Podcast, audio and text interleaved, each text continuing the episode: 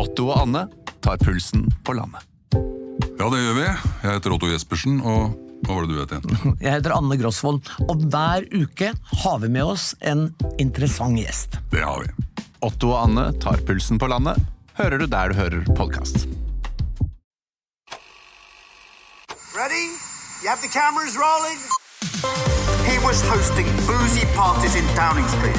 Well, when the president does it, that means that it is not illegal. I have a dream. We will win this election and we will change the country together. Velkommen. Mitt navn er Erik Bergesen. Og mitt navn er Sofie Øgestøl. Og dette er eh, altså vårt nokså uhøytidelige, veldig personlige forsøk på å gå bak ukas nyheter, lete etter sammenhenger, eh, prøve å finne det store bildet, sånn som vi ser det. Og i dag er det ikke hvilket som helst store bilde. Det er det store bildet sett fra nord. Og jeg må jo si, jeg synes det er ganske spenstig å invitere en bergenser og en ordentlig østlending opp hit for å gi dere det store bildet. Men søsteren min bor jo i Tromsø, så jeg prøver å være her så ofte som mulig for å besøke nevøen min. Og da måtte vi jo bare takke ja. Også, også for et scenario, folkens. Altså, Vi var ikke så ambisiøse på rideren vår når det gjaldt alkohol. Eh, Så det var i hvert fall én korona hver. Det rakk vi å få inn. Men altså, vi var veldig ambisiøse. Vi, vi skal kunne se hele Nord-Norge fra denne scenen her, og det tror jeg faktisk vi kan. Dette er helt eh, Det er helt strålende. Og Altså starten på Vi kan bare begynne, liksom, for det vi skal snakke om i dag, det handler jo veldig mye om måten vi starta denne podkasten her, som var eh, rett og slett i forbindelse med at Russland invaderte Ukraina. For Vi hadde snakket om podkast i flere år, men da invasjonen var et faktum, så ringte Eirik og sa at nå må vi bare gjøre det. Nå må det bli utenrikspolitisk podkast. Og så minnet du meg om at eh, jeg sitter på Stortinget eh, for et parti, um, så det er litt vanskelig. For, for det tidspunktet så var jeg møtende vararepresentant for Venstre. Eh, og da sånn, Jeg kan ikke starte podkast nå, for Venstre har engasjert i ganske kraftig i Ukraina-debatten. og Da får jeg faktisk bruk for all folkerettskompetansen min denne uken her. Men når jeg kommer ut igjen, da må vi startet podkast. Og det var sånn cirka, så ble ca. halvannen måned klart, rakk du å, å holde det, alt dette inne. Eh, Så har vi diskutert dette her, vi har diskutert det fra mange ulike vinklinger. eh, Og fordi det handler jo om det store bildet, men det er én vinkling vi ikke har diskutert enda, før nå, og det er jo alt dette her sett fra nord. Så det er vi spesielt glade for å få anledning til å gjøre nå. Ja, for Søsteren min bor jo som sagt i Tromsø. Hun har jobbet for Norsk Polarinstitutt i åtte år nå.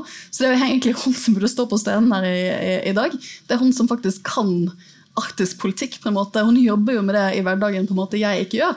Men jeg har også en grandtante, tante Tora, som jeg var mye hos som barn. Og hun var faktisk ordfører i Berlevåg. Så jeg hørte jo mye om Berlevåg i oppveksten. For Venstre. For Venstre. Det, det var en tid vi hadde ordførere flere steder i landet. Det var en gullalder for partiet. Um, men jeg tenkte, eller jeg tenkte mye på bestefaren min etter invasjonen av Ukraina. For den dagen um, Russland gikk inn i Ukraina, så var det på dagen 80 år siden han ble tatt til fange under andre verdenskrig. Jeg tenkte mye på hva han ville tenkt. Vi skal komme tilbake til han litt senere eh, i programmet i dag. Men jeg har også tenkt på hva ville tante Tora sagt. Um, for jeg kan huske som barn Jeg husker ikke helt konteksten, men jeg kan huske å ha spurt henne om Russland. Um, for jeg var mye på Vestlandet med familien min på 90-tallet. Eh, og da skjedde det jo veldig mye i eh, det tidligere Jugoslavia. Det var den første krigen jeg kan huske å ha sett på TV. som jeg snakket om tidligere. Og, det, og Da spurte jeg henne liksom, hva er dette forholdet, hva er Russland. Og Da husker jeg veldig tydelig at hun sa til meg at Russland ser annerledes ut fra nord enn det det gjør fra sør. Og det det gjør fra Vestlandet. Eh, og Det er et perspektiv vi i altfor liten grad har fått inn i podkasten vår. og Derfor måtte vi reise hit for å være en del av Arctic Frontiers. Eh, fordi altså, nordområdene, det er jo utenrikspolitikk. Eh, og det tror jeg er noe som folk sørpå ikke alltid tenker over. Eh, mens noe som, som dere jo er, eh, har et, et unikt perspektiv eh, på, rett og slett. Ja, og Arctic Frontiers er jo et av de stedene som virkelig samler noen av de skarpeste utenrikspolitiske nerdene Norge har å by på. Men ikke bare Norge. Det er jo store internasjonale aktører som kommer til Tromsø hvert år for å være med på Arctic Frontiers. Og da skulle det bare mangle at vi, en norsk utenrikspolitisk podkast, skulle komme hit og snakke om det virkelige store bildet i dag. Apropos eh, store utenlandske profiler. da, for da jeg landet, Du har jo vært her i helga med søsteren din. Men da jeg landet her i morges og, og, og skrudde av um, den herre uh, fly, Flymodus. flymodusen Det første som dukka opp, var at eh, den britiske kongefamilien er i byen. Har dere fått med dere det? Ja. Uh, og det var altså, skal vi se eh, Overskriften var 'Kjøpte potetgull'. Det var, eh, det var altså Det var sånn breaking news på Dagbladet. Sånn, nå, nå, Ja. nå kjøpte Akkurat nå kjøpte potetgull. Det var Fergie sine døtre. Ja, og jeg visste egentlig at de var her. For hvem satt med meg på flyet på vei opp til Troms på fredag? Det var Fergie. Og det var ikke alle på det flyet som skjønte hvem det var, men det gjorde jeg. Og jeg ble skikkelig starstruck. Jeg ble skikkelig, skikkelig starstruck, Og så tenkte jeg på deg på veien oppover, for du holder jo på å lese denne boken Spare uh, til prins Harry.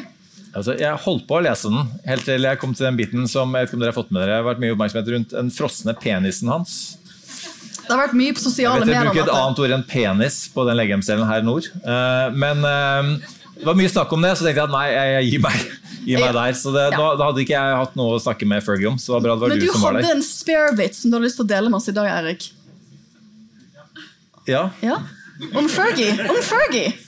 Hvis, hvis vi hadde vært på denne, på denne Spar-butikken Oh ja, det, var den, de kjøpte- det var den dårlige vitsen som du sa at jeg ikke skulle ta. Jo, vi skulle ta Nei, jeg strøk den av eh, manuset. Vi skulle ta den vitsen. Vi, altså, hvis vi hadde vært der, hvis jeg hadde vært der på Spar, Ja, Da hadde du kjøpt potetgull. ja, så hadde vi sagt sånn You see, spare. Spare på engelsk, ikke sant? Prince det var derfor jeg strøk Nei, den. ok, fine, fine. Det er du som er satirikeren. det er du som Ja. er satirikeren. Jeg tror vi må nesten komme i gang med det vi skal snakke om i dag. Ja, fordi Det vi skal snakke om i dag, er jo ikke det. Eh, vi skal snakke om uh... Forholdet til Russland Ja. Mm. nå, fremover og de siste 30 årene. De store, Det store bildet. Vi skal snakke om hvordan uh, invasjonen så ut fra nord. Både før, under og etter.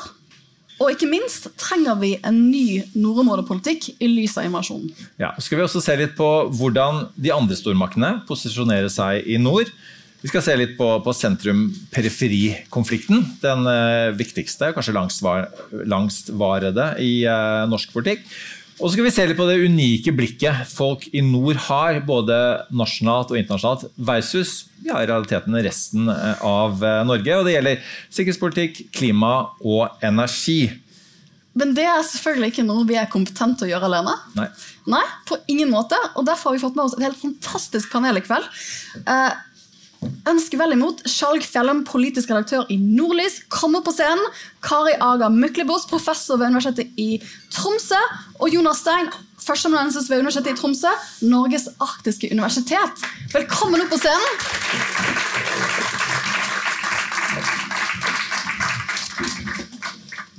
Velkommen. Eh, Skjalg, du er vel kjent for de fleste her. Um, men for eh, oss i Oslo, da, så er jo du en sånn person som inviteres til Dagsnytt 18 når man trenger noen å være uenig med. Nettopp.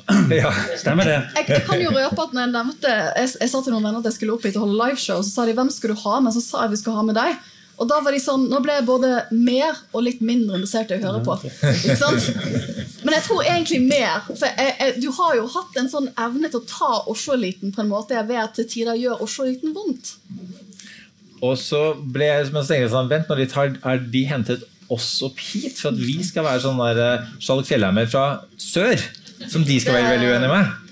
Men, eh, men jeg tror tvert imot det er på en måte den eh, skarpe spalten som du har som politisk redaktør i, i Nordlys, som da eh, kommer gjennom også eh, i, i rikspressen. Eh, og vi skal snakke litt mer om dette med, med sentrum-periferi etter hvert. Men bare sånn altså, eh, Arctic Frontiers Jeg vet det har vært pandemi, så, så ting har sett annerledes ut noen år. Eh, Du var her sa du, for, for tre år siden, og da var det på en måte full, full program. Men det som er forskjellige år, er jo ikke det at eh, vi er tilbake etter pandemien. Det er jo noe helt annet som har, har endra seg med, med innovasjonen.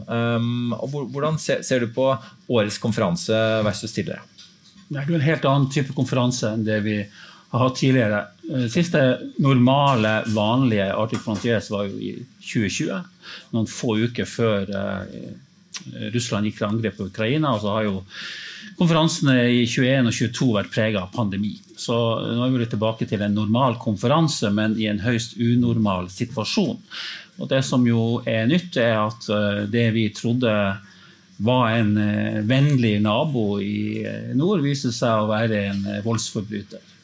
Og det har jo eh, forandra Norges forhold til Russland eh, på en varig måte, men det har jo kanskje forandra Nord-Norges forhold til Russland på en enda sterkere og mer, eh, mer fundamental eh, måte. For, fordi det som har sett også utfordrer oss sjøl og utfordrer oss i nord til selvransakelse knytta til måten vi har eh, sett på Russland på. Vi skal komme tilbake til den selvransakelsen. For det, det, det er jo mye av bakteppet for at vi er her. Men jeg, jeg kikker jo på deg, Jonas, for å introdusere alle i panelet for våre lyttere som ikke kan se oss på scenen.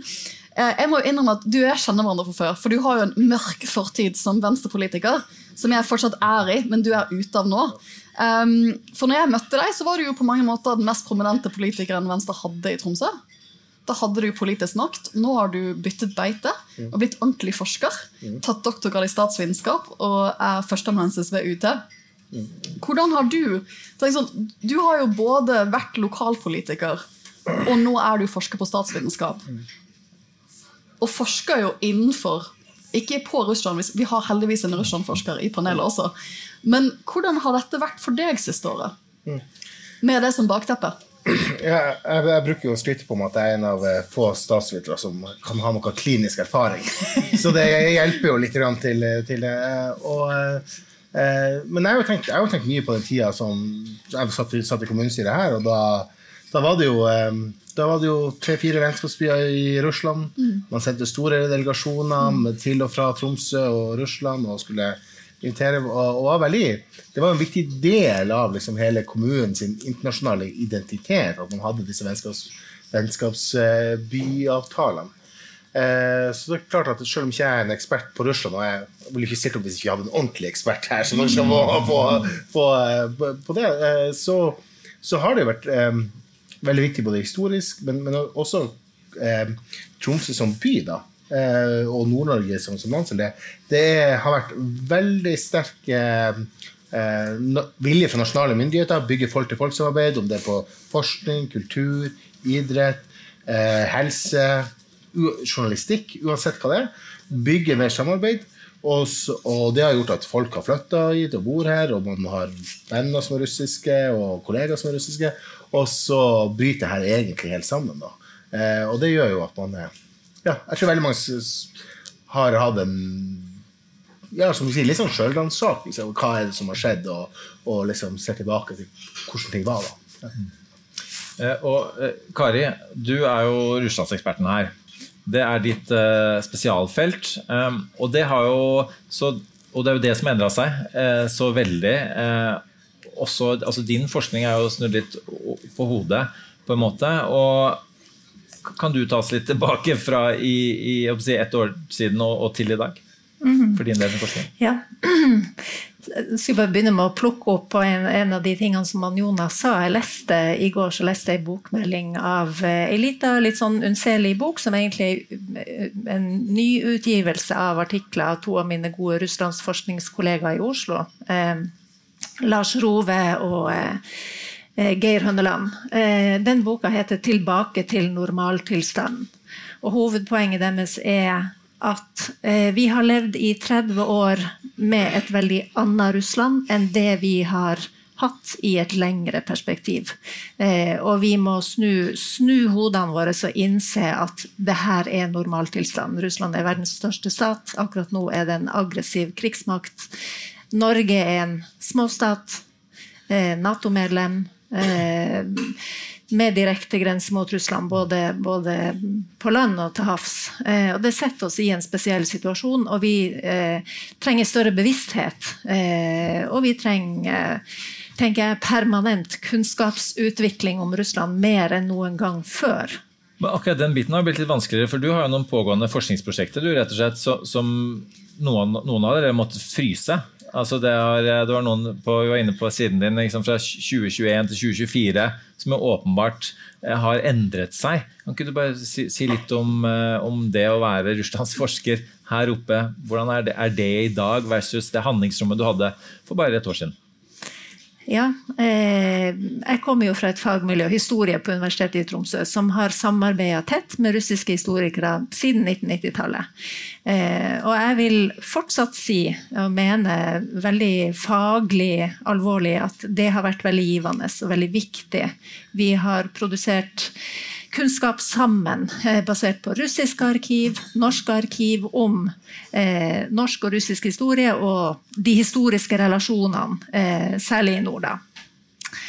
Eh, så har det blitt vanskeligere og vanskeligere over det siste tiåret. Og når jeg fikk eh, faktisk to forskningsbevilgninger ganske tett på hverandre her for eh, to og et halvt tre år siden, så var vi liksom først så sto jubelen i taket, og vi var kjempeglade. Det ene var et veldig ambisiøst eh, studentutvekslingsprosjekt med norske og russiske masterstudenter. St. Petersburg og Tromsø. Og vi skulle reise fram og tilbake og se på ting i lag og jobbe i lag og sånn.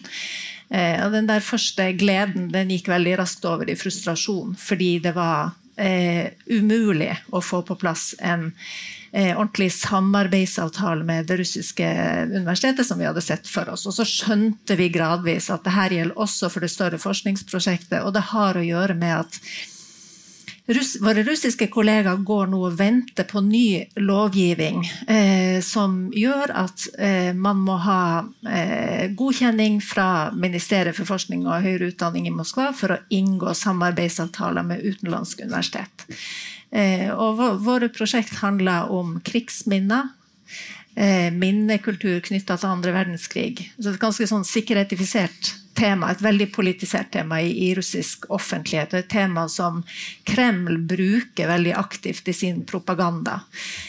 Eh, og det var plent umulig å få på plass. Eh, så studentutvekslingsprosjektet måtte vi bare legge helt bort. Eh, vi har fått lov av Forskningsrådet til å omdefinere det, så vi lager nettbaserte engelskspråklige, kanskje til og med russiskspråklige kurs herfra, som vi håper russiske studenter kanskje også kan få med seg. Så vi får en viss eh, effekt også eh, for russiske unge mennesker. Da. Eh, forskningsprosjektet har vi gående, men realiteten er jo at vi har ingen russisk partnerinstitusjon. Så vi holder kontakten med de russiske deltakerne på e-post, men vi får ikke til å jobbe i lag. De har ingen frihet i sin akademiske hverdag til å publisere sammen med oss, til å motta forskningsmidler fra oss. Eh, de har ingen formell avtale som gjør at de kan samarbeide med oss. Så realiteten er at vi holder kontakten for å eh, være til stede. Men det tas også inn i dette med Det er ikke lenge siden man hadde en feiring her når det gjaldt altså, frigjøringen av Finnmark hvor Russlands utenriksminister Lavrov var her og bl.a. snakket om akkurat dette. Krigsminner. Han ble til og med vist et krigsminne av Anniken Huitfeldt, som han riktignok tok med seg hjem. Men så var det en liten diplomatisk skandale, så det er, det er tilbake nå, fortalte Anniken Huitfeldt på en pressekonferanse. Men altså, det er helt absurd å tenke på at det er så kort tid siden. Ja. Det var altså det her Barentsråd ministermøtet eh, som var her i oktober 2021. Og Anniken Huitfeldt gjorde det norske eh, ministre, diplomater og toppolitikere har gjort eh, gjennom hele den kalde krigen og gjennom hele den postsovjetiske perioden. Hun eh, eh, la inn eh, en liten krigsminnemarkering, tok med Lavrov på Tromsø gravlund til det sovjetiske krigsminnesmerket og starta der med en veldig eh, eh, hyggelig og diplomatisk seremoni, eh, der man sammen mintes eh, sovjetiske offer under andre verdenskrig. Og så fortsatte de med Barentsrådsmøte, politiske samtaler. og ja, så det har vært en lang tradisjon i norsk utenrikspolitikk og for Russland. Den går tilbake til 1950-tallet. Eh, fra russisk side har man vært veldig fornøyd med å bli invitert til Nord-Norge på ulike eh, krigsminnemarkeringer. For dette er en viktig og stolt del av russisk historie. Men så har den altså, det har gått så mye politikk eh, i den delen av historien eh, gjennom det siste tiåret under Putin at det nå er eh, ja, det, en, det, brukes jo også nå for å legitimere krigføringa i Ukraina. Det er en av driverne ideologisk i den russiske krigføringa i, i, Ukraina i dag. eh, at eh, russiske soldater eh, i dag eh, bekjemper nynazisme i en slags fortsettelseskrig. Igjen befrir de Europa fra nazisme, sånn som de gjorde under verdenskrig. Og det her er Kremls propaganda som, som eh, liksom massivt eh, pumpes ut i det russiske samfunnet gjennom statskontrollerte medier. Eh, Jeg tror det er vanskelig for oss å skjønne hvordan det er å leve i et sånt regime hvor du blir utsatt for så mye propaganda over tid. Jeg tenker mye, jeg har jo bodd en del i utlandet, og når jeg var liten, så gikk jeg på så hadde jeg en russisk bestevenninne på den skolen jeg gikk på i Singapore. av alle ting. Eh, Dette var jo slutten av 90-tallet. Og jeg tenker mye på hva hun må gjøre i dag. eh, altså Hva hun tror på i alt dette. Um, og det, det er jo sånn, Når vi snakker om tidsperspektivet, så, så satt jeg og leste Hurdalsplattformen, som vi av og til gjør. Veldig spennende dokument. Ligger på nattbordet. Ligger på nattbordet. politiske nerder. Eh, og det er, jo, det er jo veldig spennende å lese deler av det nå, for det er, det virker, det er jo ikke så lenge siden denne regjeringsplattformen ble skrevet. Det er jo tross alt bare oktober 2021. Og hvis vi ser, da har De jo, de, de fikk jo mye skryt, skryt for at de hadde et helt kapittel på en ny giv i nordområdene, uh, som var et delkapittel av deres utenrikspolitiske strategi.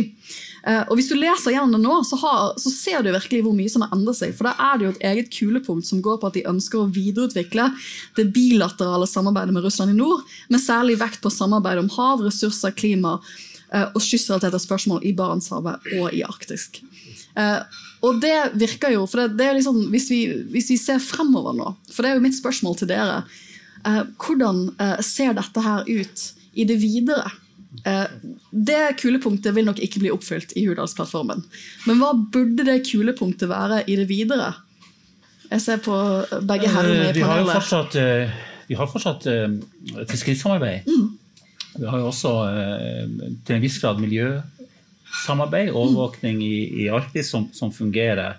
Eh, og For Norge er det jo viktig at det her fiskerisamarbeidet består. ikke sant? Fordi eh, Ellers så risikerer vi at den norske arktiske torskestammen bryter sammen. og det, det er viktig å få det til å fungere.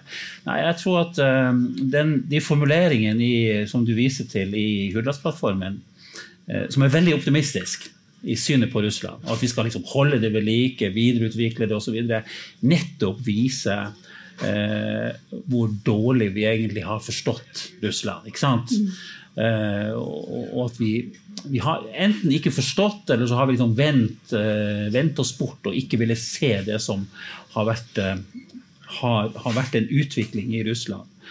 Og eh, jeg mener at, at jo mer her i nord, da, desto mer penger det norske utenriksdepartementet og andre departementer har sprøyta inn i norsk-russisk samarbeid i håp om å bygge demokrati.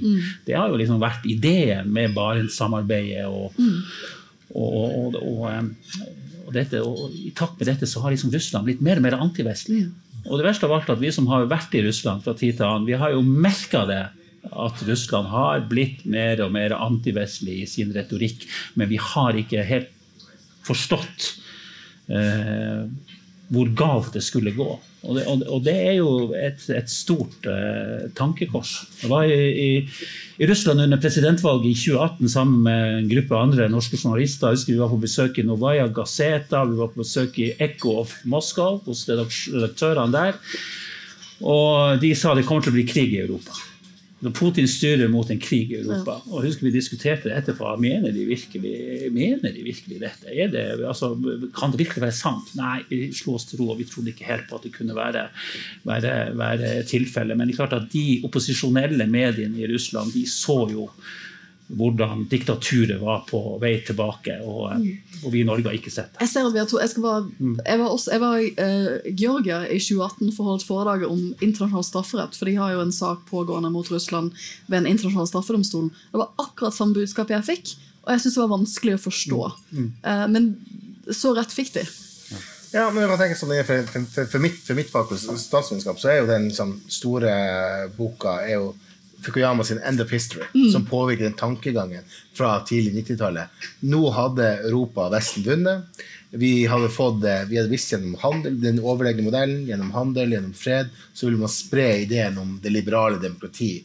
Eh, og, og det kom til å vinne frem. da, Man måtte bare vise det frem. Og da støtte opp om de prosessene gjennom folk-til-folk-samarbeid. Eh, og jeg tror den, altså, den, altså den positive holdninga har jo Spesielt i nord har tror jeg kanskje vært enda sterkere. Der man hadde liksom liksom, man kunne se tilbake. ja, Vi hadde jo på morhandelen, og selv om det var kalde krigen, så hadde man fiskerisamarbeid, og det gikk jo, gikk jo fint. Eh, og åpne opp da gjensidige forbindelser. Eh, og, da, og så ser man til stadig blir litt mørkere, sant, som, som Kari og Skjalg forteller om i Russland. Men så har til dels også holdninga i nord vært at ja, men det er noe som skjer i Moskva Mm. eller i Georgia eller i Ukraina. Mm. Det skjer ikke i nord.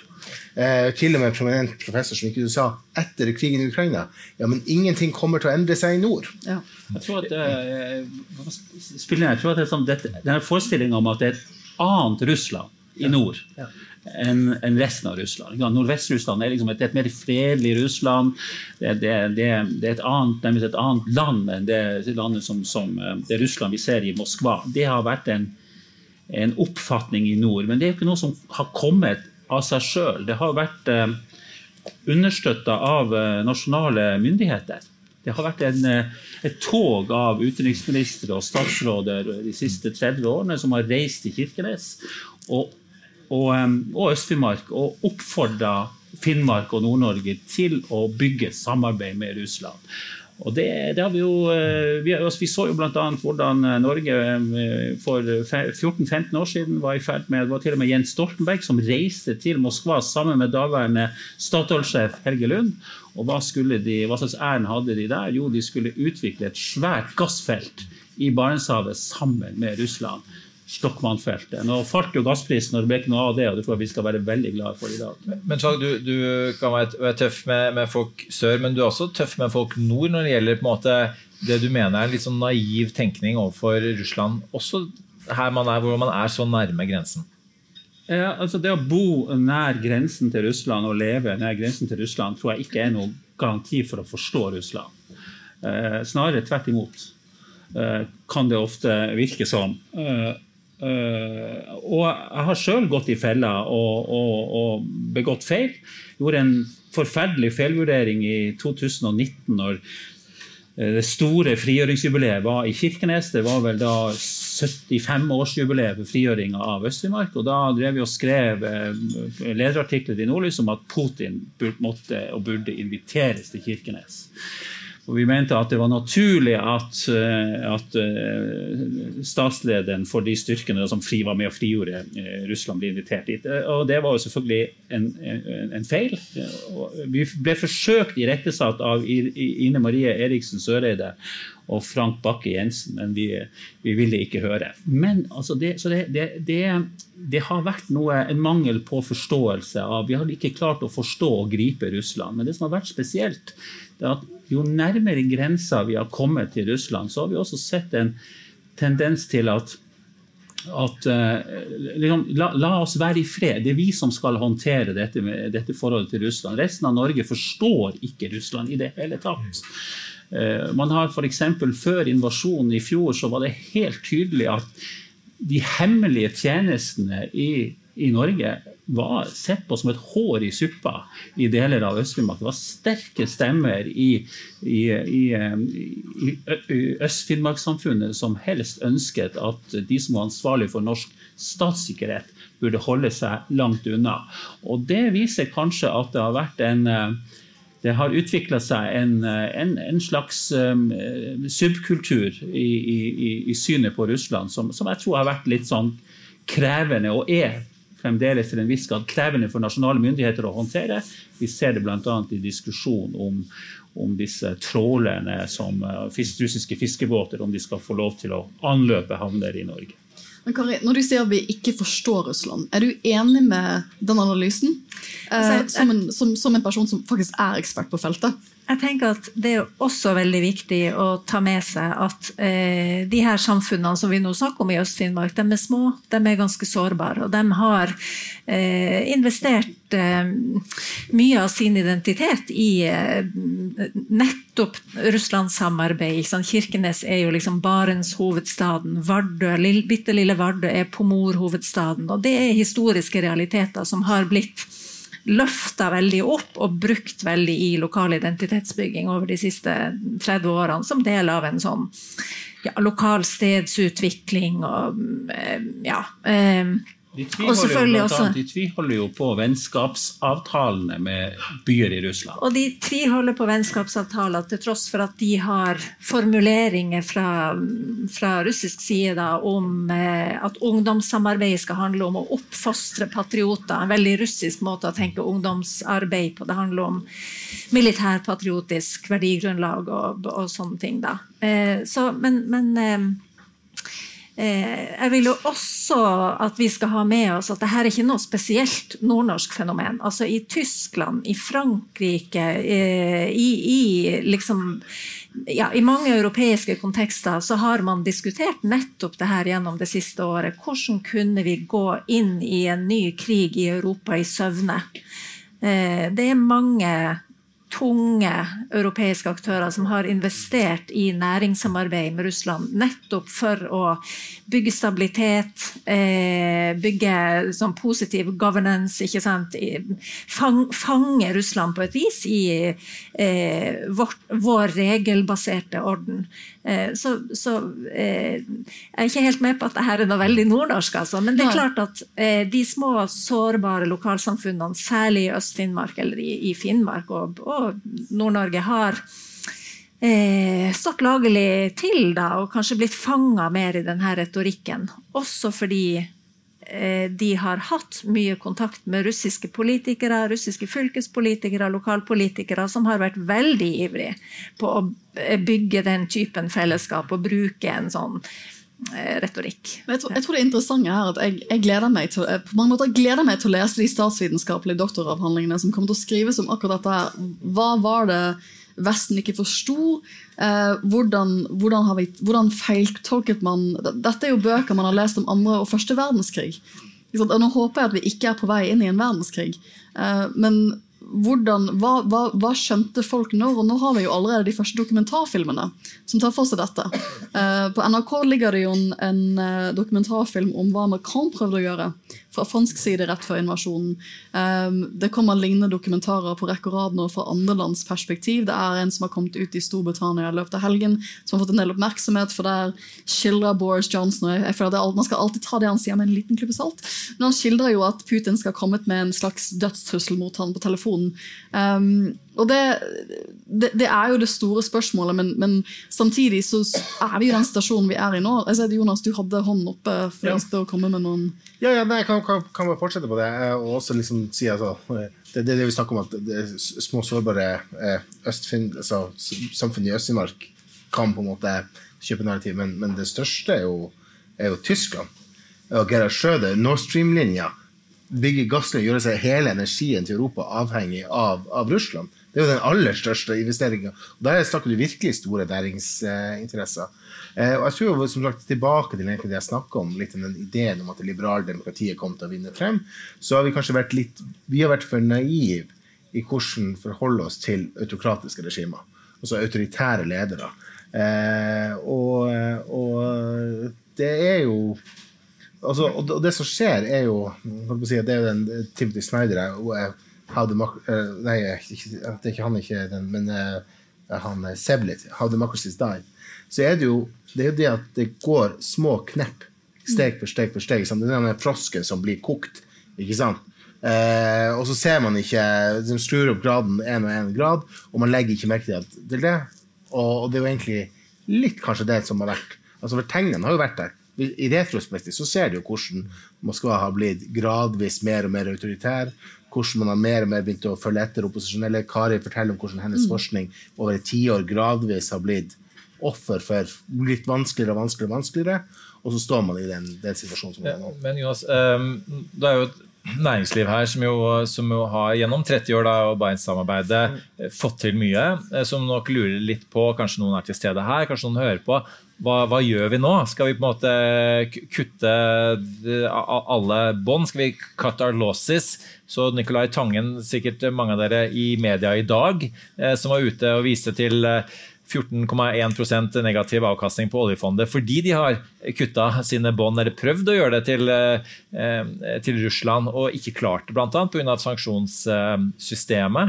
Um, Men altså, måte, eh, altså, hva, hva er det som gjør at vi For vi har jo tenkt eh, at økonomisk liberalisering, ikke bare overfor Russland, men overfor Kina og mange andre steder i verden, er det som vil skape politisk liberalisering. Eh, Så, man, eh, så det har på en måte vært eh, en en vinn-vinn-situasjon både for næringslivet og politikken. Men hva tenker du som statsviter, hvordan skal vi se på dette fremover?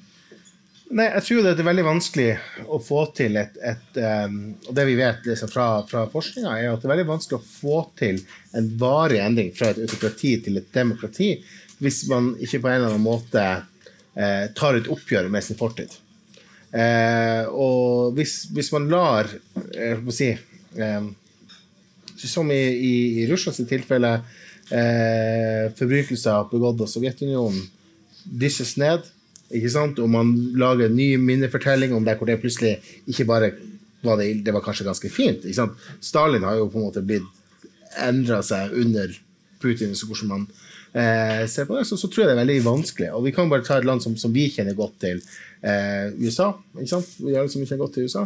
Det er Eh, alle USA-eksperter. ja. eh, som, som ikke har tatt et ordentlig oppgjør med, med sin eh, rasepolitikk, eh, og hvordan det fortsatt den dag i dag er en utfordring for landet å håndtere. Eh, og tilbake til Russland. da. Jeg tror ikke vi kan forvente å ha et, et altså, Det kan godt hende man blir kvitt Putin, men jeg tror ikke det som kommer etter Putin, blir så veldig mye annerledes, med mindre man tar et oppgjør med sin fortid. Kari, hva er det som kommer etter Putin? Da kommer Ragnarok. Nei, altså, eh, der er det jo ulike Det ene scenarioet er verre enn det andre. Men jeg ville bare eh, skyte inn i forhold til næringssamarbeid at det er jo den minst vellykka delen av norsk eh, alle norske samarbeidsforsøk overfor Russland. Der har man jo fått ut veldig lite. Og kanskje ligger Litt av forklaringa eh, der eh, i at Norge og Russland er to veldig asymmetriske størrelser. Eh, og når Barentssamarbeidet eh, ble etablert i 1993, så prøvde man på en måte å utjevne den ujevn, ujevnbyrdigheten ved å ta et lite hjørne av Russland. Vårt nærmeste hjørne, eh, som, lign- som har felles historiske bånd, der vi har et slags kulturelt fellesskap som kan plukkes opp og kan liksom eh, brukes til å bygge ei framtid sammen. Eh, og Det var en veldig idealistisk tankegang. Eh, og så viste det seg veldig raskt at eh, russisk lovverk, russisk korrupsjon, russisk mangel på lovverk gjorde norske investeringer nesten helt håpløst. Eh, så eh, Jeg tror, jeg tror Næringssamarbeidet var vel omtrent over på midten av 2000-tallet. Da hadde de som var inne, Sparebanken var inne i Stortinget, tok alle tapene sine ganske, ganske dramatisk. da. Men, men hvis vi ser, ser på altså hva som skal til eh, for at man klarer å på en måte åpne opp det der eh, mulighetens vindu som var der eh, noen tiår, Um, og om det i hele tatt er tenkelig innenfor eh, de neste tiårene. Hva, hva tenker du om det, Kari? Ja, jeg tenker at det, altså det er en konstruktiv ting vi kan gjøre i dag. Eh, nå eh, er vi stuck uten samarbeidsflate. Eh, Russland driver en veldig isolasjonistisk politikk overfor egen befolkning. Lovgivning som forbyr samarbeid med utlandet. Eh, utenlandske agenter, uønska organisasjoner. Altså det er ikke måte på hvor mye no ny lovgivning som har kommet de siste årene, som gjør det plent umulig for vanlige russere eh, å, å samarbeide med oss. Eh, men så har jo eh, fullskala invasjonen i Ukraina ført til at en strøm av opposisjonelle russere har kommet hit. Eh, til Europa. Eh, og jeg tenker at de er en ressurs. De som eh, har samme virkelighetsforståelse som oss. De prodemokratiske russiske kreftene som har forlatt fordi eh, de ser krigføringa for det den er. Eh, jeg tenker at Her har vi et stort ansvar eh, i å integrere eh, våre nye russere. Eh, eksilrussiske miljø. Hjelpe dem på plass eh, i Nord-Norge, i Norge, i Europa, sånn at de kan bruke sin kompetanse, bruke sin, eh, sin, politiske kraft til å bygge noe som kan være en kjerne til et nytt Russland. Eh, og vi ser jo allerede det store journalistmiljøet, særlig etablert i de baltiske statene, i Berlin. Eh, jeg håper vi får flere i Norge etter hvert, og i de nordiske landene. Men de her er jo opinionsdannere. Eh, og de har nettverk inne i Russland. De følger den russiske politiske utviklinga veldig tett, og de snakker sant. Det, altså der er det ikke fake news eller klikkjournalistikk, der er det ekte saker. Eh, det er ganske trist å følge de her nyhetssendingene fra russiske opposisjonelle medier, men det er veldig veldig viktig. Så jeg tenker at De miljøene må vi eh, bruke norske ressurser til å bygge opp om framover. Jeg likte at det var såpass konkret. Det står jeg veldig pris på. En, en stasjon hvor det, hvor det, kan ofte virke så stort at det er vanskelig å tenke hva kan man konkret gjøre videre. Um, så er det et veldig konkret tiltak. Da ser jeg jo selvfølgelig også på deg. for det, Du snakket innledningsvis om en, en, en form for selvransakelse rundt forholdet til Russland fra uh, et nordnorsk perspektiv. Hva, hva, tror du du er veien videre? Jeg, jeg tror det er helt konkret at uh, Sverige og Finland er blitt mye viktigere ja. for oss i Nord-Norge. Også når det gjelder næringsliv, mm. både politikk og næringsliv. Det å bygge eh, sterkere samarbeid med, med, med, med, spesielt Finland her i, i området her er, jo, er det jo store muligheter. De har jo mange av de samme utfordringene som vi har i, i Nord-Norge. Ja, så, så, så, jeg tror at um, det, det, er interessant ja, du skulle ja. si det. for eh, Når jeg leser gjennom Hurdalsplattformen, det som kommer etter avsnittet om nordområdene, det er jo Norden-Europa. og Første kulepunkt der er å utvide og fordype det nordiske samarbeidet. Ja. For Det kulepunktet kan vi bare tikke av. Det kan vi tikke på, på, en, på, en, måte vi kanskje ikke ville trodd, eller ikke kunne forestilt oss i oktober 2021 at det skulle være snakk om et, et Nato-samarbeid. For det, det, byr jo på for jeg, jeg, ser jo Når jeg ser på den utrolig imponerende listen av folk som har kommet her for å snakke uh, denne uken, her, så, uh, ved North, uh, Arctic Frontier, så er det jo toppfolk fra Finland, Sverige. Um, hvilke muligheter ser du spesifikt for Nord-Norge i en sånn konstellasjon? Jeg tror finnene er mye mer interessert i oss enn vi, enn vi, er, dem, ja. vi er i dem.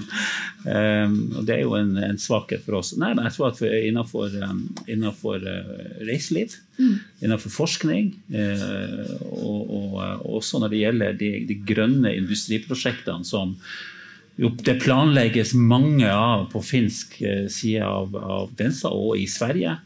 Eh, så har vi mye å hente på å samarbeide med, med disse landene. Det, altså det er på mange måter det gode, gamle Nordkalottsamarbeidet mm. som, som, jeg vokste opp med på 70-tallet i Nord-Norge under den kalde krigen. Også Den gang var jo Russland en Sovjetunionen fjernt og distansert. Eh, og, og, og, og Sverige og Finland var var de landene dit vi, vi, dro på ferie og hadde, om sommeren og hadde samarbeid med. Så der er det mye å hente. Men jeg, jeg, for, å legge, legge, til en liten ting. jeg tror at vi er kommet til 30. januar. Mm. Vi er ikke kommet så langt ut i det nye året, men de viktigste talen som, som, som holdt, skal holdes i Norge i år, er jo allerede holdt. og Det var jo den Jens Stoltenberg holdt i Oslo på NHOs årskonferanse. Du snakka om dette med næringsliv og sånn. og Hva er det han sier? Jo, globaliseringa er over. Ikke sant? Ethvert land må, eh, må ta vare på seg sjøl og sin nasjonale infrastruktur. Og så sier han at, eh, at eh, næringslivet er for viktig til å overlate til næringslivsledere. Det er jo veldig interessant. Så, så det, dette her med den nasjonale infrastrukturen og og, og den norske strømdebatten. Kjempeinteressant at det kommer fra en, en, en Nato-sjef som var statsminister for Arbeiderpartiet og gikk imot uh, utenlandskabler til Tyskland og England en gang i tida. Jeg, jeg bet meg også merke til det, for jeg, jeg, får jo av og til, jeg holder av og til foredrag om hva er det som kjennetegner verden nå. Det siste året det har vært ganske vanskelig. Men det har jo en av trendene jeg har snakket om siste året, vært uh, regional globalisering, eller fragmentert globalisering. Eh, og så kommer Jens Stoltenberg og holder den talen, for det, var, det, er egentlig mye av det jeg snakket om det siste året. Men det, det, det, byr jo på masse spennende muligheter for Norge. For som du sier, så betyr det tettere integrering i de regionale blokkene vi er.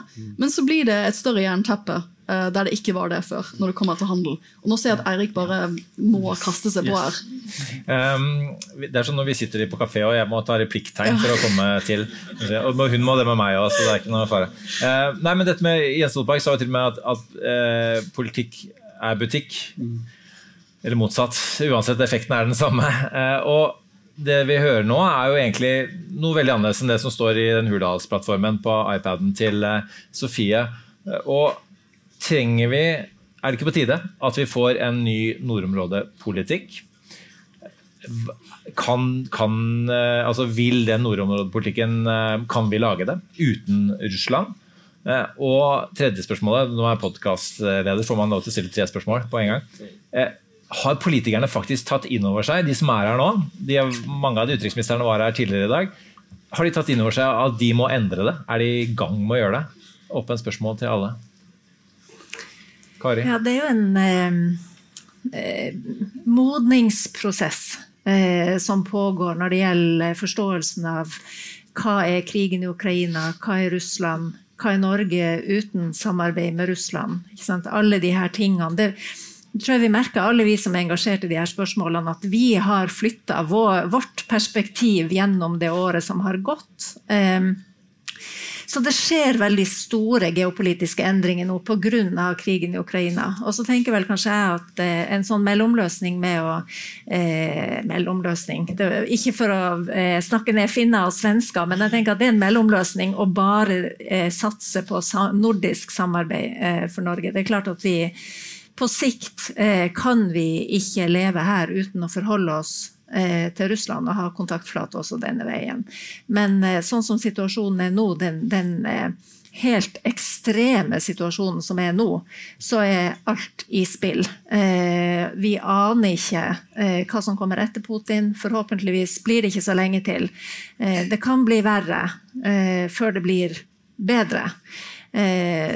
russiske analytikere snakker jo nå om ei total oppsplitting av Russland. Eh, de snakker om ei reell føderalisering, altså de ulike føderasjonssubjektene som har blitt hardere og hardere styrt fra Moskva gjennom de siste 20 årene.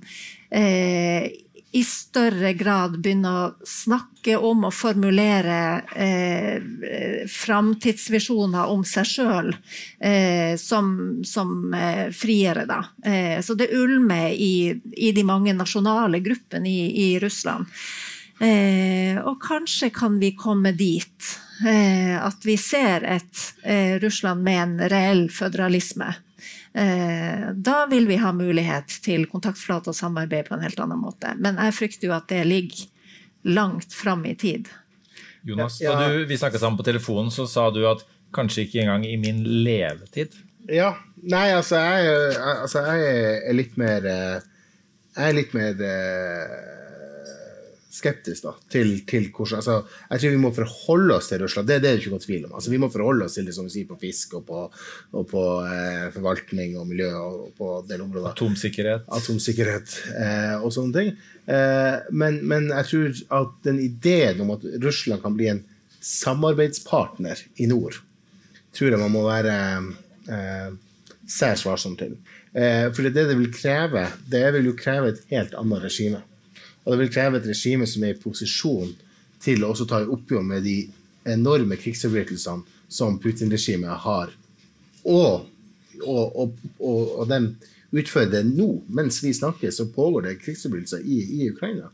Eh, og de, Vi har sett bilder fra Butsja og hele gjengen her.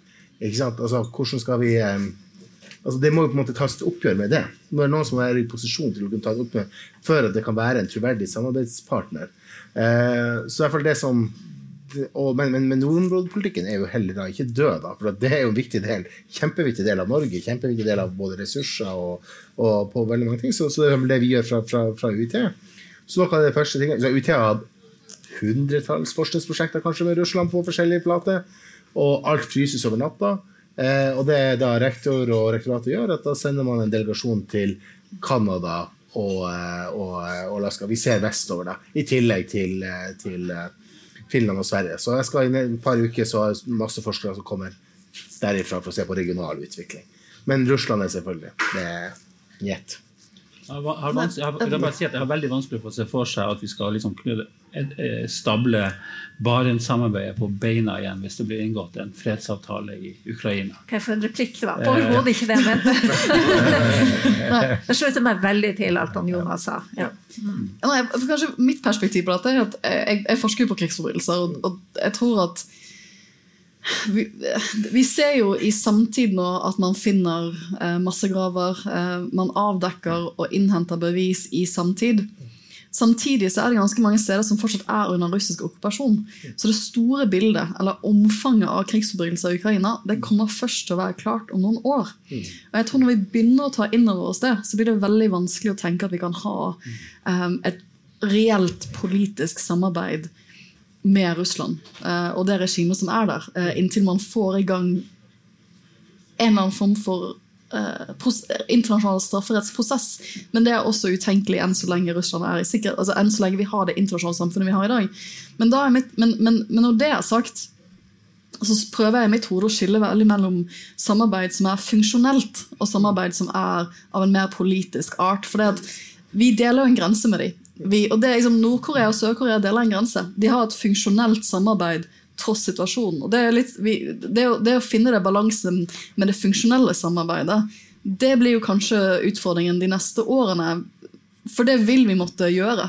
Bare sånn dagligdags pleie av grensen. Um, liksom, du snakker om fisk. Det er en del ting som man ikke kommer seg utenom når det tross alt er nabolandet vårt. Og Det blir jo kanskje en vanskelig gråsone å gå i. da. Ja, fordi eh, altså, Senest i går så hadde jo eh, Blinken, utenriksministeren i USA, eh, det er en amerikansk statssekretær, i hvert fall- én, her til stede i dag. Senator, Senator Murkowski fra Alaska er til stede her i dag. Um, Blinken hadde sant, møter med, med Netanyahu om nettopp regionalt samarbeid på et lavt nivå mellom Israel og Palestina. Og, hvis, hvis, og de er, det er en, en like stor mistro historisk der som her. Så, så altså eh, Politikk er det muliges kunst, eh, statsviter Jonas. Hva, altså, burde man ikke kunne få til en eller annen type som Sofie sier, funksjonell type samarbeid? Ja, altså, jeg, jeg tror det funksjonelle samarbeidet på noen områder som sagt, det, det har vi vært inne på. Det skjedde under kalde krigen. Finland har levd med funksjonelt samarbeid med Russland i årtier. Eh, men det blir jo et samarbeid som, som er da funksjonelt. Da. Det blir liksom sånn eh, et par som har gått gjennom en skilsmisse, som kan funksjonelt samarbeide om ungene. Men det er ikke sikkert at de klarer å feire jul sammen og late som at det blir eh, 17. mai-feiring sammen. Og det er litt sånn, eh, Hvis vi skal ha et bilde, så er det kanskje vi kan, vi kan ikke tro at det kommer til å skje de neste årene. i hvert fall. Ja. Altså Realitetene eh, på bakken nå i vår grenseregion mot Russland, det er jo at vi har en av de mest krigshisserske guvernørene eh, i Murmansk. Eh, hvis man ser på, ser på ulike russiske guvernører, så er han en av de som har markert seg tydeligst som med støtte til Ukraina. Han har besøkt ukrainsk, eh, russisk okkupert territorium flere ganger og, og, og bruker eh, turene dit veldig aktivt i, i sosiale medier for å eh, promotere seg sjøl og sin egen eh, region som, pro, som, som noen som støtter Kreml. Eh, så eh, i all overskuelig framtid så tror jeg jo at heller ikke det her lavnivåsamarbeidet kan gjenopptas. Det var overhodet ikke det jeg mente. Jeg tror også at vi, vi står foran totalt regimeskifte. Vi står foran et oppgjør med historisk arv, ikke minst, som er veldig viktig for å bygge en ny russisk politisk kultur, der man kan snakke åpent om ting, der man har ytringsfrihet, eh, der man har akademisk frihet. Eh, så, eh, men men eh, mitt poeng med at i et langt perspektiv så må vi forholde oss til Russland, det er jo nettopp det her med at Russland er så enormt stort og samtidig så nært. Så vi slipper ikke unna. Vi er på en måte stuck med den geografien vi, vi har da. Kari, jeg lovet deg at jeg skulle la deg springe videre til neste event fem på halv, og det er straks fem på halv, så jeg skal holde det løftet til deg. Men så lovet jeg også disse to karene her at vi skulle ha en liten runde om sentrum periferi. Så jeg tenker at vi går over til den bolken, for nå føler jeg at du har, du har, du har ost med din klokhet over publikum. Tusen takk for at du kom.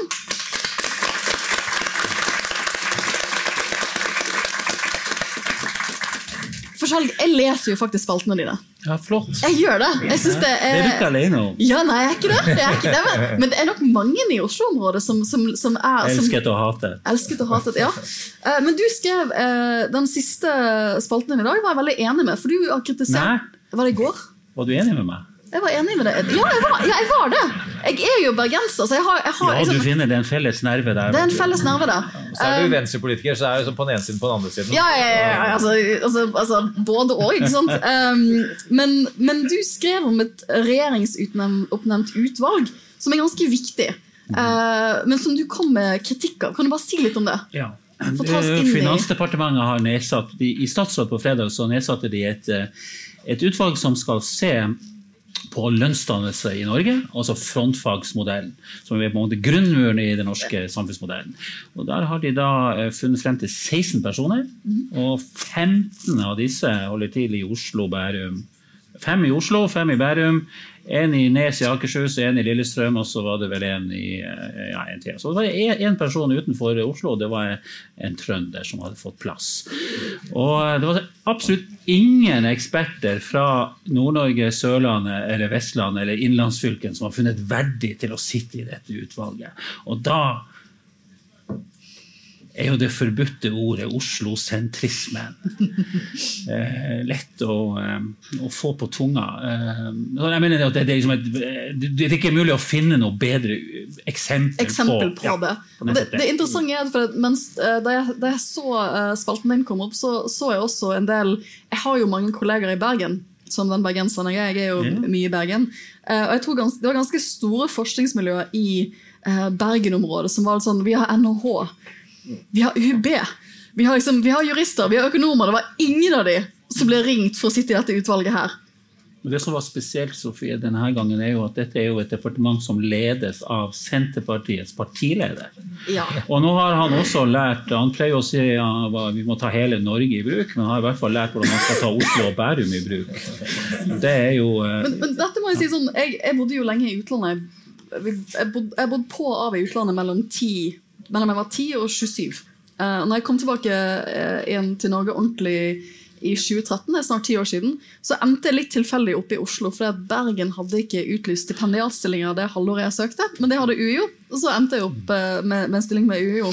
Men en av de sånn kulturelle forskjellene for meg, og det går jo kanskje litt på jusmiljøet, men en av de kulturelle forskjellene på meg, det var hvor lite jusmiljø Norge er.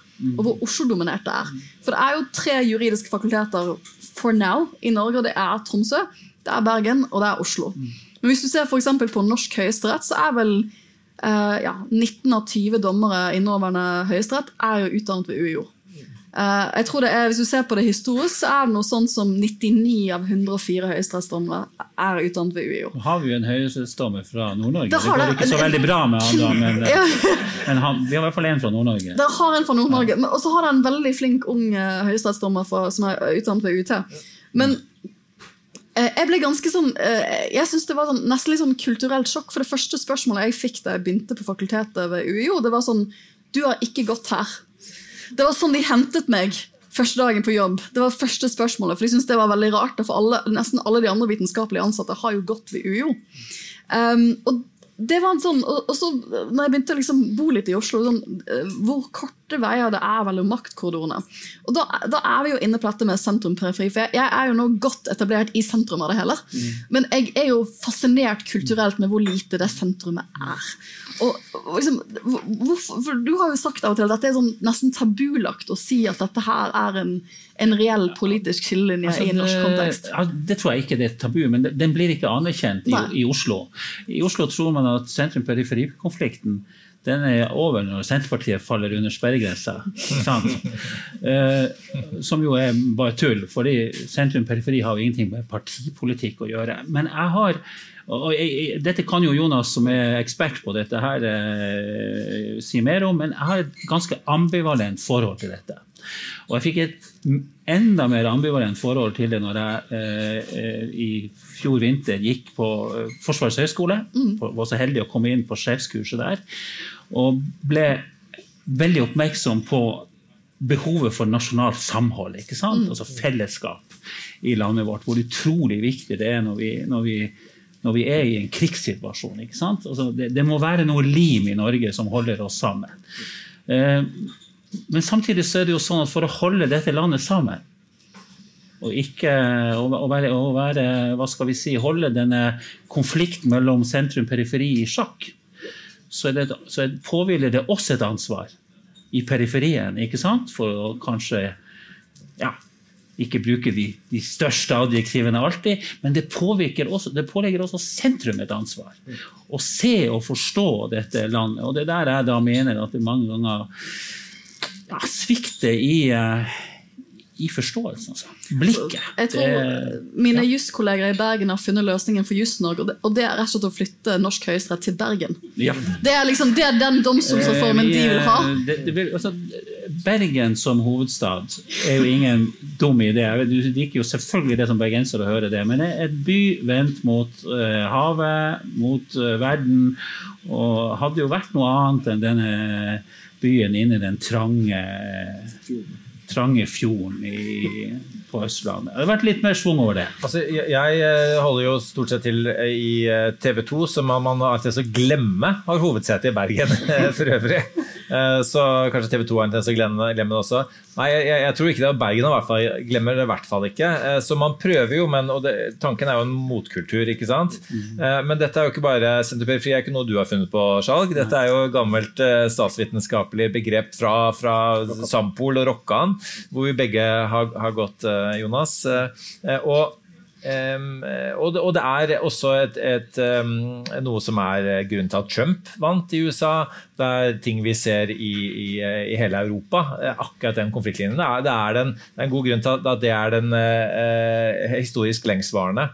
Um, så, så, spørsmålet er på en måte hvorfor klarer vi ikke å måte, ha, en, ha, en, god diskusjon rundt de reelle interessemotsetningene som, som er da, i sentrum-periferi, uh, også i Norge, Jonas?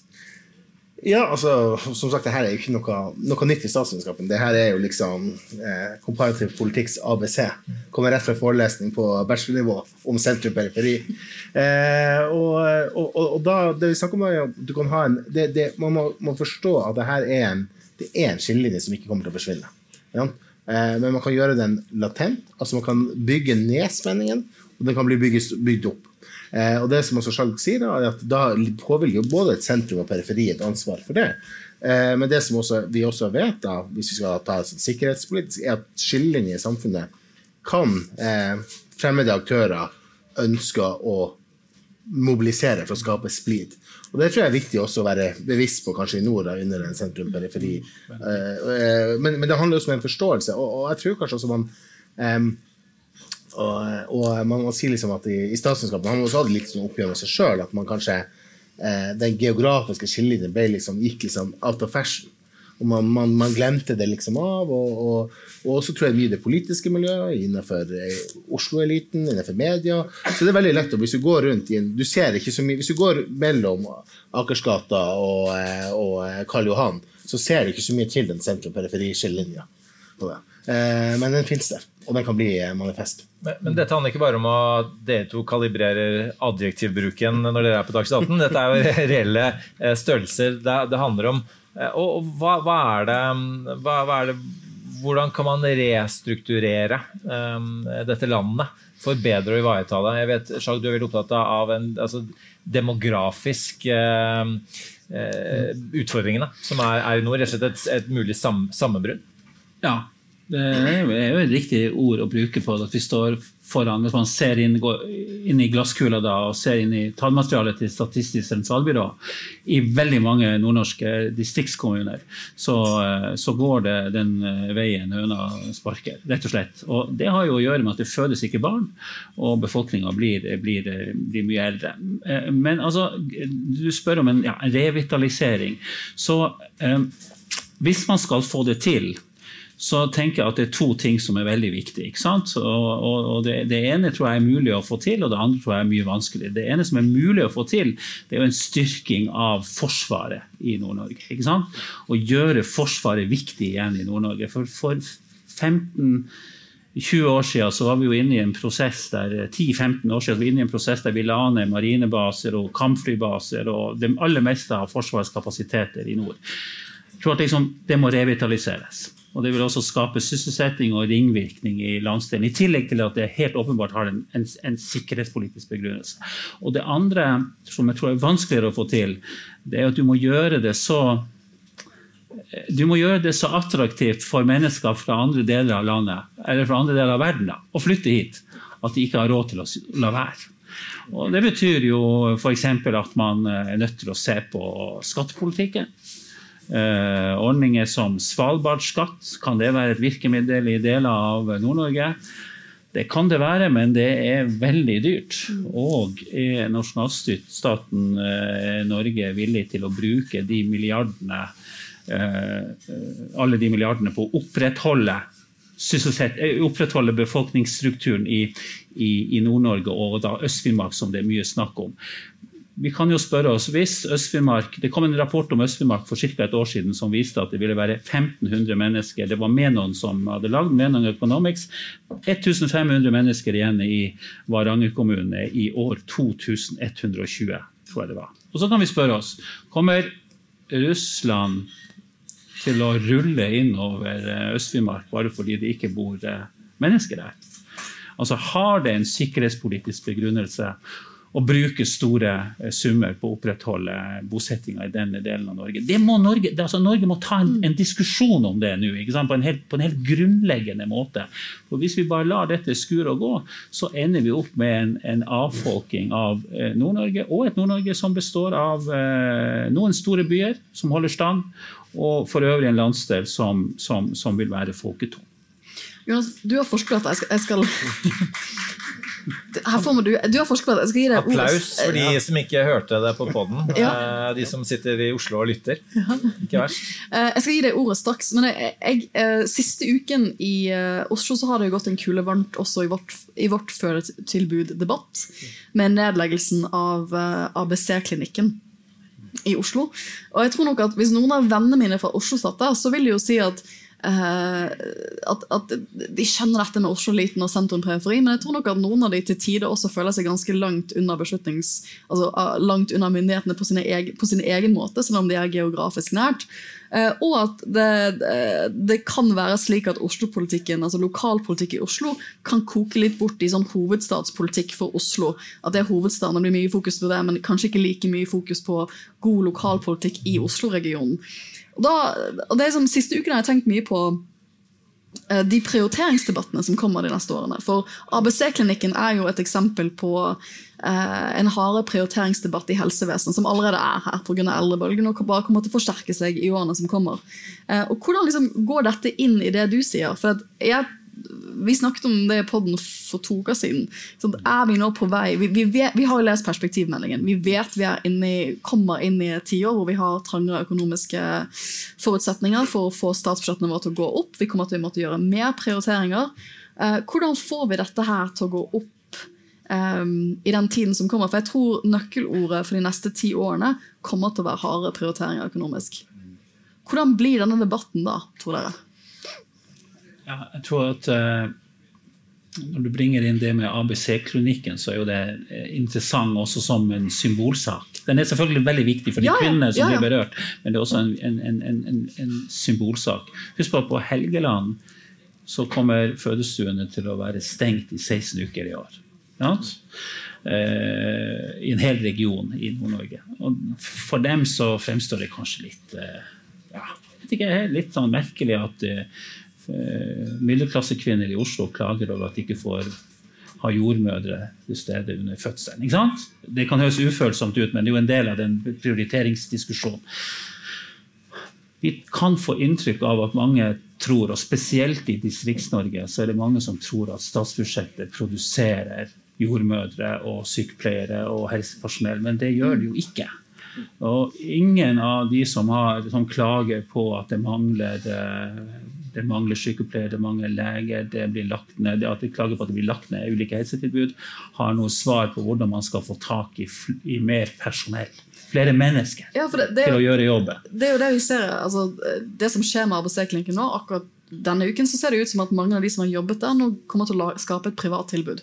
Det kommer ikke til å gå til, de jordmødrene kommer ikke til å gå tilbake til den offentlige tjenesten uh, istedenfor å være Det kan ABC. de gjøre fordi det er marked for det i Oslo. Det er marked for det i Oslo. Det, det, er helt, det er jeg ikke uenig med deg i. Men uh, når vi snakker om middelklassekvinner, så blir da markedet kanskje litt bedre for middelklassekvinner mm. å føde på en viss type måte, men ikke for alle andre.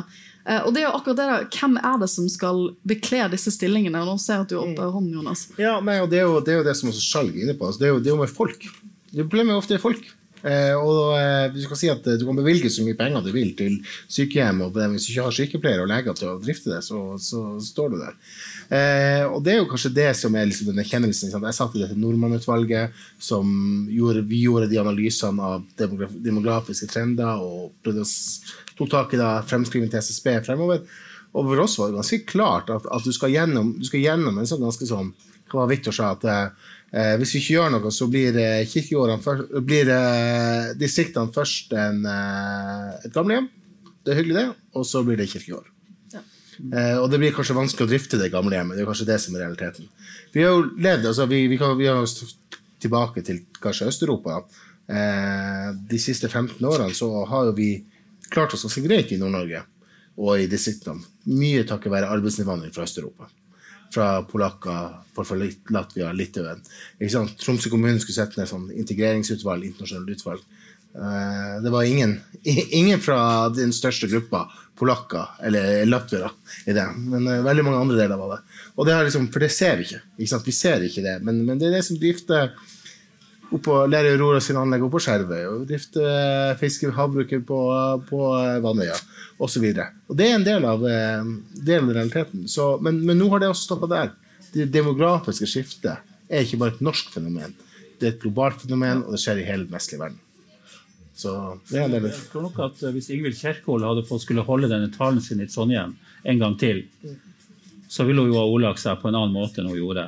Hun ordla seg jo kløne, klønete, men hun, har jo helt rett i sak. Og det er jo det som er det, det paradoksale. Og derfor så, eh, så har hun jo også gitt beskjed for til sykehusene i Nord-Norge om at de må, de må gjøre ting på en helt annen måte enn tidligere. Og nå skal det regionale helseforetaket i gang med å diskutere om man skal eh, kutte masse tilbud med lokalsykehus og sentralisere mer til Bodø og Tromsø. Og det kommer det til å bli masse bråk om.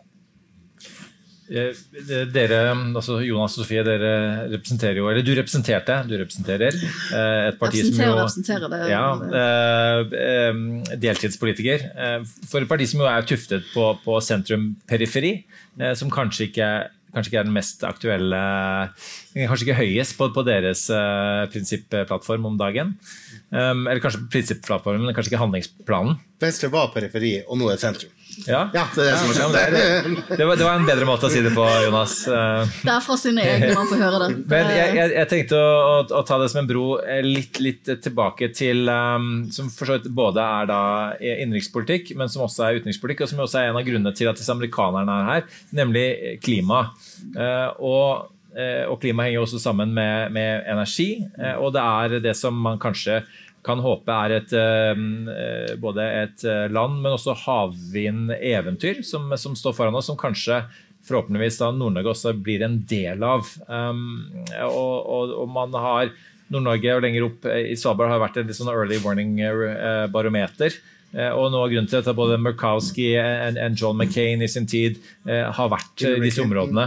Hillary Clinton. Hillary Clinton, ikke minst. Ikke sant? Men, men tverrpolitisk da, i USA. Eh, og hva, hva tenker du, eh, Skjalg, eh, den fremtiden, hvordan ser den ut? Hvordan bør den se ut? Eh, altså, jeg, tror, jeg tror at det, hvis vi, Jeg skrev om det tidligere i uka, eh, om nettopp dette. og Det, var, det handla om eh, når, å se tilbake på når, når oljeeventyret starta i Norge. Ikke sant? Ekofisk først åpna produksjonen i 1971. Pengene begynte å strømme inn i det norske eh, samfunnet. Men dette oljeeventyret kom jo aldri til Nord-Norge. For vi visste hvor grensa gikk. Det skulle ikke letes etter olje nord for 62. breddegrad. Punktum. Og eh, Det var demonstrasjonstog og fakkeltog, fakkeltog nei til oljeboring nei for, nord for 62. breddegrad. Så er spørsmålet, når vi nå får en stor nasjonal satsing på vindkraft, Kommer Nord-Norge til å være en del av denne satsinga, eller skal vi fremdeles spille rollen som naturparken, som eh, reservatet, som man skal kunne reise hit for å se på disse flotte fjellene og det fantastiske landskapet, eller skal vi liksom få være med på dette industrielle eventyret? Der tror jeg liksom eh, det er en, en følelse av i Nord-Norge i dag at historia kan komme til å gjenta seg. Det er f.eks. nesten umulig å få til vindkraft på land i Nord-Norge. Og det skyldes at Nord-Norge har et urfolk som opererer med den, den nomadiske reindrifta eh, fremdeles er viktig. Eh, og, da, og, da, gjenstår det jo havvind. da. Forferdelig dyrt, forferdelig ulønnsomt, men staten stiller opp med masse penger. Derfor er investorene interessert. Og Derfor bør også man passe på at Nord-Norge får uh, være med på denne utviklinga. Når de første konsesjonene skal uh, utlyses, det tror jeg er veldig viktig. Jonas, tror du Nord-Norge blir mer? Fra et statsvitenskapelig perspektiv? Nei, altså Jeg tror jo nå Det er jo liksom det som kanskje Nord-Norge har jo ikke den industrielle tradisjonen da, som man kanskje har på Vestlandet. Du kan si det på godt og vondt. da. Altså, det er jo mange, det er jo nordlendinger sjøl som ikke har ønska mye av ikke, ikke oljeboring i nord for 62, ikke oljeboring i Lofoten, Vesterålen. Mye motstand mot eh, vindmøller etter hvert. Mye, eh, også mye sympati for, for samiske rettigheter. Som nå spesielt den Fosen-dommen, du snakker om Høyesterett, som, som, som, kommer til å påvirke enhver type debatt om, om industriell uh, utvikling. Så vindmøllene ute til havs, så ser vi dem ikke? Ja, men så kommer torsken. Altså, altså, det, det, er sånn, det er jo gjerne sånn det går. da. At man, man, man er en energikilde kilde som man er mot, og så sier man at det her kommer til å bli neste store. Man er mot olje, skal det bli vindkraft. Og så kommer vindkraft. Nei, men det skal vi ikke ha, det forurenser, og det er problemer med det. Og nå kommer det, vi skal til havs. Jeg tror det er mulig å finne noen problemer der òg. Så det er liksom eh, eh, hvis vi har den, den, den ideen om, om industrialisering. Eh, også eh, gruve, Repparfjord, ikke sant. Svær, masse motstand. Eh, vi har vi har mye kraft og energi nå, da. Men altså La oss si at ingenting var fra før, og så foreslo man å bygge den ut. Jeg tror ikke mange av de vannkraftverkene hadde blitt bygd. Hvis vi ikke skal ha industri, da må staten eh, betale for oss, da. um, men dette er jo eh, igjen, Hvis vi går tilbake til dette, de prioriteringsdebattene som vi betaler for Det har jeg også tenkt på mye den siste tiden. er litt sånn en av de kritikkene vi av og til får, er at når vi snakker om det store bildet, eller hvor verden er nå, så blir det veldig dystert. Jeg tror folk opplever at det er det er tungt det er tungt å lese avisen. Det, er, det kan føles som vi står oppe i, i, i, samfunnsutfordringer som er enorme. For det er jo ikke, det er jo ikke bare eh, krigen i Ukraina som er såpass Som igjen er stor sjelesettende eh, En gang sånn generasjonsdefinerende for vår generasjon. Um, du har det, men så har du også de større endringene som kommer til å skje i Norge pga. eldrebølgen, pga. den omstillingen vi vet vi må gjennom. Fordi at vi vet, liksom, Pga. det grønne skiftet. Og da er det liksom utfordringer som står i kø. Uh, og en av de tingene jeg har tenkt på sånn mye siste ukene, da, er sånn en, Som sagt, Bestefaren min var, var, var krigsfange under andre verdenskrig, men etter det så utdannet han som, seg som ingeniør. Uh, og bygde vassedrag og tunneler. Han var sånn steiningeniør. Uh, og jeg lurer på hva, han, han, døde for en del år tilbake, men jeg, jeg, tror det han ville sagt er at da må, dere, da må din generasjon også bygge, bygge, bygge nasjonen, da, Sofie. Det er, liksom, det, er litt sånn, det er jo litt sånn den generasjonen Det er litt den generasjonsutfordringen vi står overfor nå. At nå må vi tegne kartet litt på nytt. Ikke helt på nytt, selvfølgelig, men vi må jo finne de løsningene uh, som er der ute. Og jeg, er jo optimistisk på at vi skal kunne finne de løsningene, men det vil bli krevende. Ja. Ja, men for å si noe optimistisk, da. Eh, selv om jeg kanskje sannsynligvis ikke får, får, får reise til St. Petersburg, da. Eh, hvis jeg skulle vært født på hvilket som helst tidspunkt i verdenshistorien, så ville vært født nå. Ja. Eh, altså, det er jo eh, Og, og, og, og hvilken som helst land. Og i Tromsø. Og i Tromsø. ja, og hvilken som helst landsdel ja. i Nord-Norge.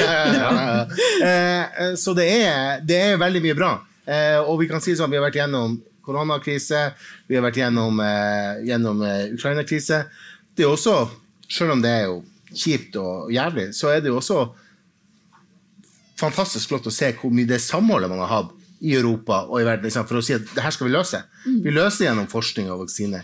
Vi løser gjennom å gi våpen og gjennomføre restriksjoner. Vi får ikke la oss ikke splitte av en, en om. Og du kan si ja, det er kjipt med det grønne skiftet, og for at vi ikke har russisk olje og gass som eh, holder energiprisene kunstig lave.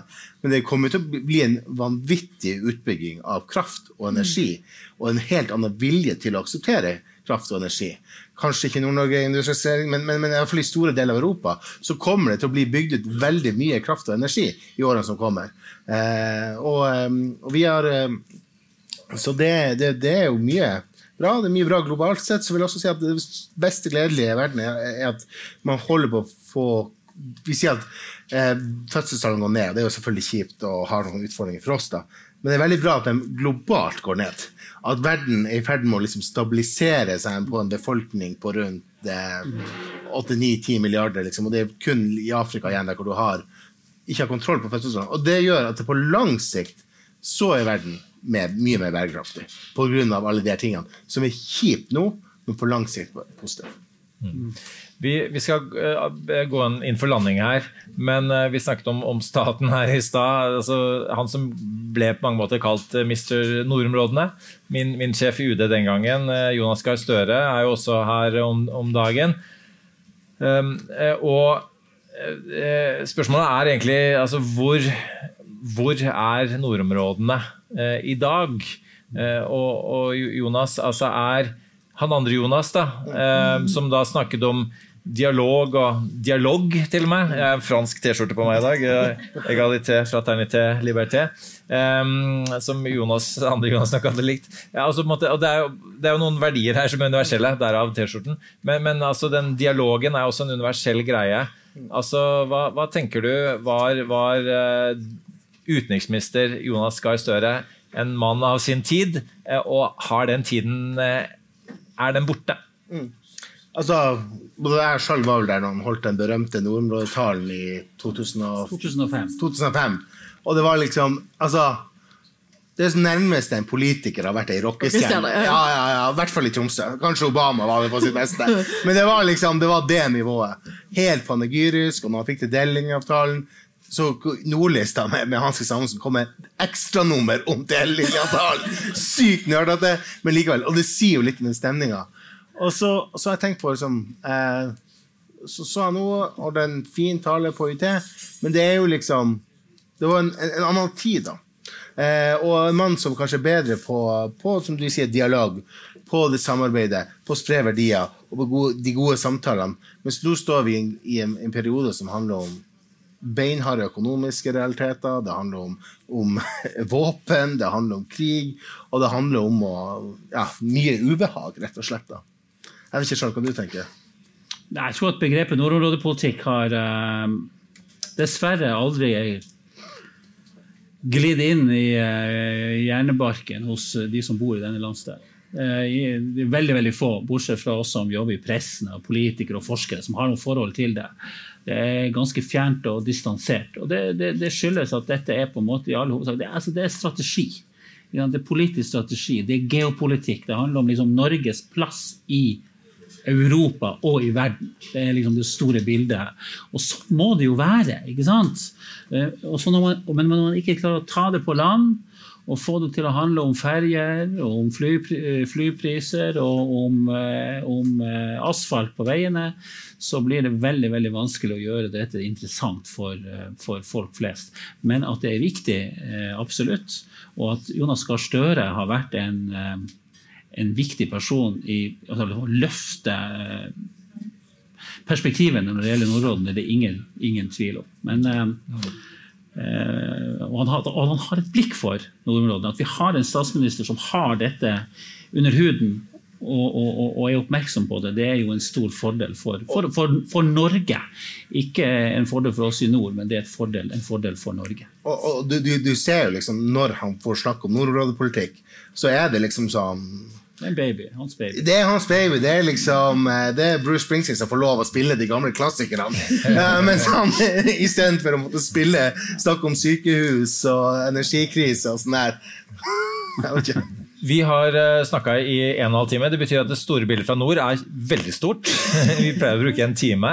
Eh, Og det er en snakkesalig eh, gjeng, og det er jo jeg og Sofie også. Um, Så i all beskjedenhet. eh, Og med det tror jeg vi skal få lov til å eh, takke for oss. Takke for et kjempekompetent eh, panel. panel som ga oss mange nye perspektiver som vi eh, ikke var like klar over før. Det er hele poenget med den podkasten. Ikke at vi skal sitte og fortelle alle våre konklusjoner, men vi skal lytte til folk eh, basert på de perspektivene som jo veldig mange av oss tenker på, enten vi bor i nord eller i sør. Så eh, med det, og ikke minst tusen takk til det som kom eh, hit eh, på I kveld. Skiri. Eh, Vi har blitt mye klokere. Det er jo derfor jeg ville ha podkasten. For da kan jeg snakke med kule mennesker som jeg vet vil gjøre meg klokere. Tusen takk for at dere har gjort meg litt klokere i kveld. Og takk for at dere kom. That's enough. Put down the mic. Velkommen til Kjemperådet! Vi har fått inn et kjempekleint problem fra Trine Lure 22. Okay. Jeg leser.